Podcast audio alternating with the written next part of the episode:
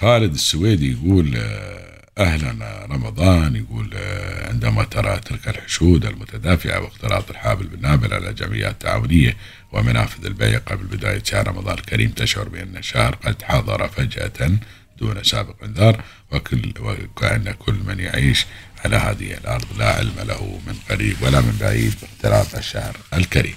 هذه الأيام من كل عام تحدث أمور عجيبة غريبة السائقون يقاتلون فيما بينهم يتقاتلون فيما بينهم على من له أحقية الوقوف وفي الجمعيات أيضا تصادف صديقك أو قريبك الذي لم تلتقي به منذ سنوات وستكتشف أن شراب البيمتو قد تحول إلى سلعة استراتيجية مطلوبة في من الصغير والكبير. على حد سواء وكأن الصيام لا يكتمل إلا بشربه على مائدة الإفطار ناهيك عن الخلافات التي تنشب بين المتسوقين على سلعة معينة وأثناء الوقوف في طابور دفع المشتريات عادات وتصرفات سيئة ارتبطت بشهر الفضيل هذه العادات التي يقحمناها عنوة في هذا الشهر لا تتفق نهائيا. مع روحانية روحانيته فلقد تعول منذ سنوات إلى شهر للكسل ومد البوز أثناء فترة العمل الصباحي تأتي بعدها فترة ملء الكرش لتطفح بعدها حاويات القمام وبقايا الطعام التي تكفي للقضاء على مجاعات دول العالم. ثم بعد صلاة التراويح تبدأ مرحلة السهر حتى الفجر في القيام الرمضانية والمجالس ليأتي الصباح. ويقول واحد منا بكل برود اللهم إني صائم. اعترف من صعب جدا. تغيير تلك العادات.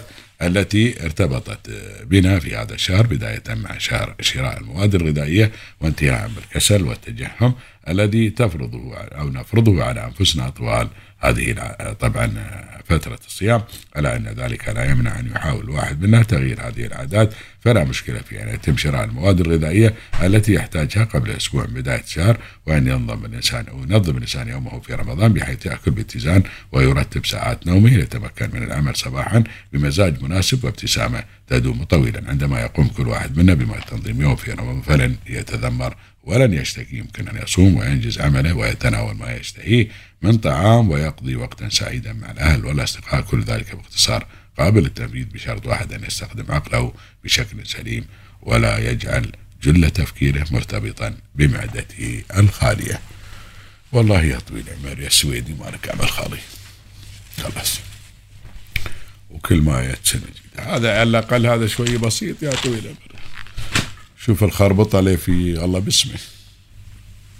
شوف الخربطة اللي في التلفزيون. تعوذ بالله والله ان يوم تشوف مسلسل طالعت البارحة شوي مسلسل كويتي. والله يدور راسك. إي والله العظيم ما تعرف شو تسوي.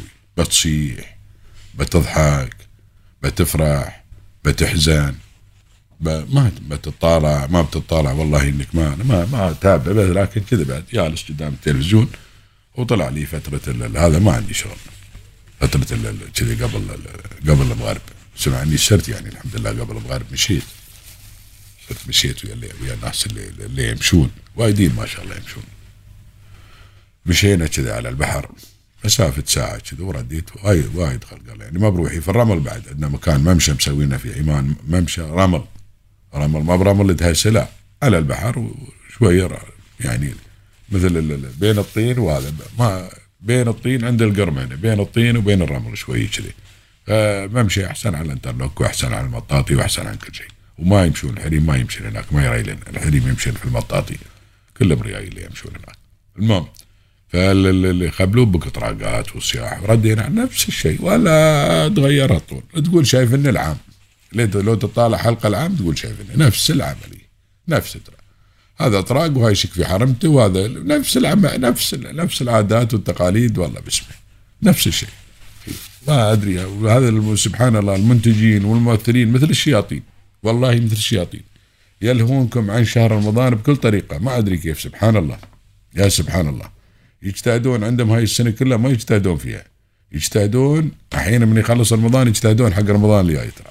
نفس العملية. فالله المستعان إن شاء الله يا رب العالمين. نروح